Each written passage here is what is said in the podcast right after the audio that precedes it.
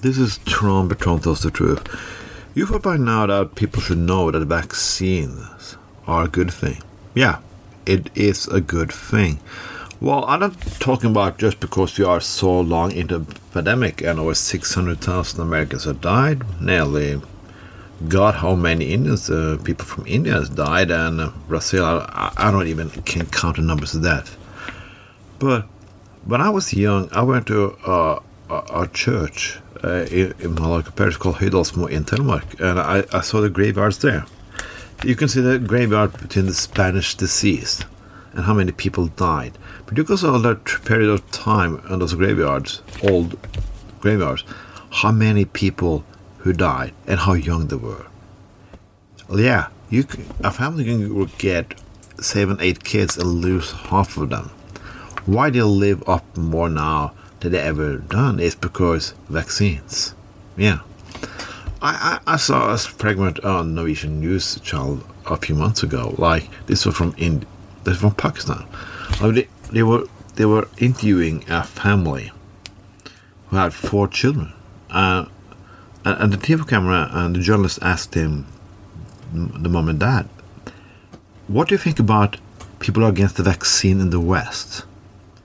I could just see their faces. They were looking at each other like they just wanna, what the fuck?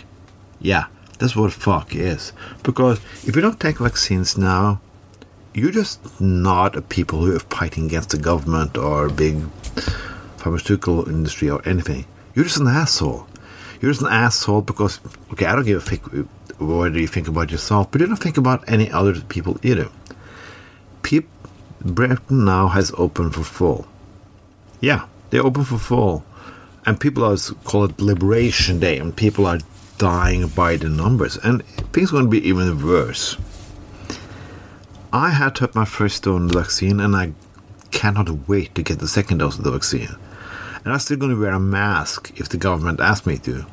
Not because I like the government, because I don't. I'm going to vote them out in September because I'm not a conservative. I'm a, yeah, I'm, A Green Party member. So for me, that is easy choice. But I don't think the conservative government have like an issue with like, oh, we want people to die. We we're just gonna fuck up for everybody because not everybody voting for us. I don't think so. People are dying, and people are gonna keep on dying. And I think this is the tipping point, people. I think this is the tipping point of it all. The system we know is going to go down. The the world trade as we know it is gonna fuck up. Well, what we're waiting for now is people are dying because they don't take vaccines, and more people are going to die because people are still refusing to see the facts. Then we have climate change.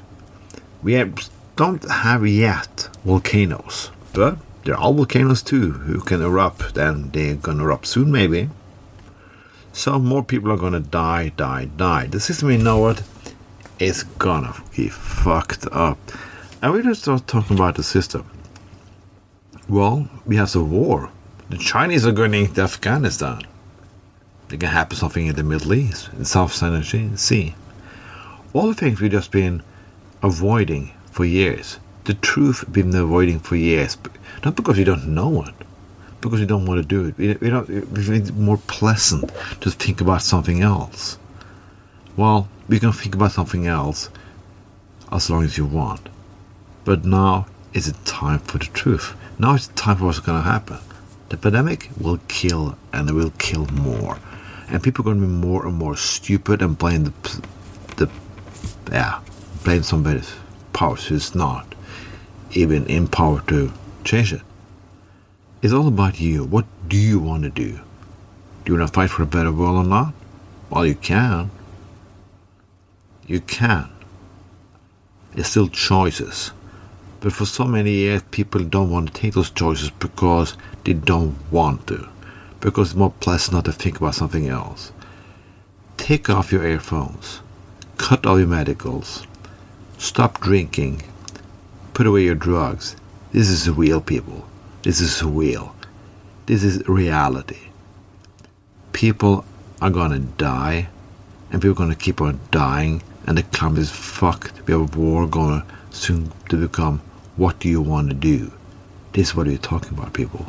What do you want to do? You have the choice, and I ask you, this is Trauma Traumatron, does the truth.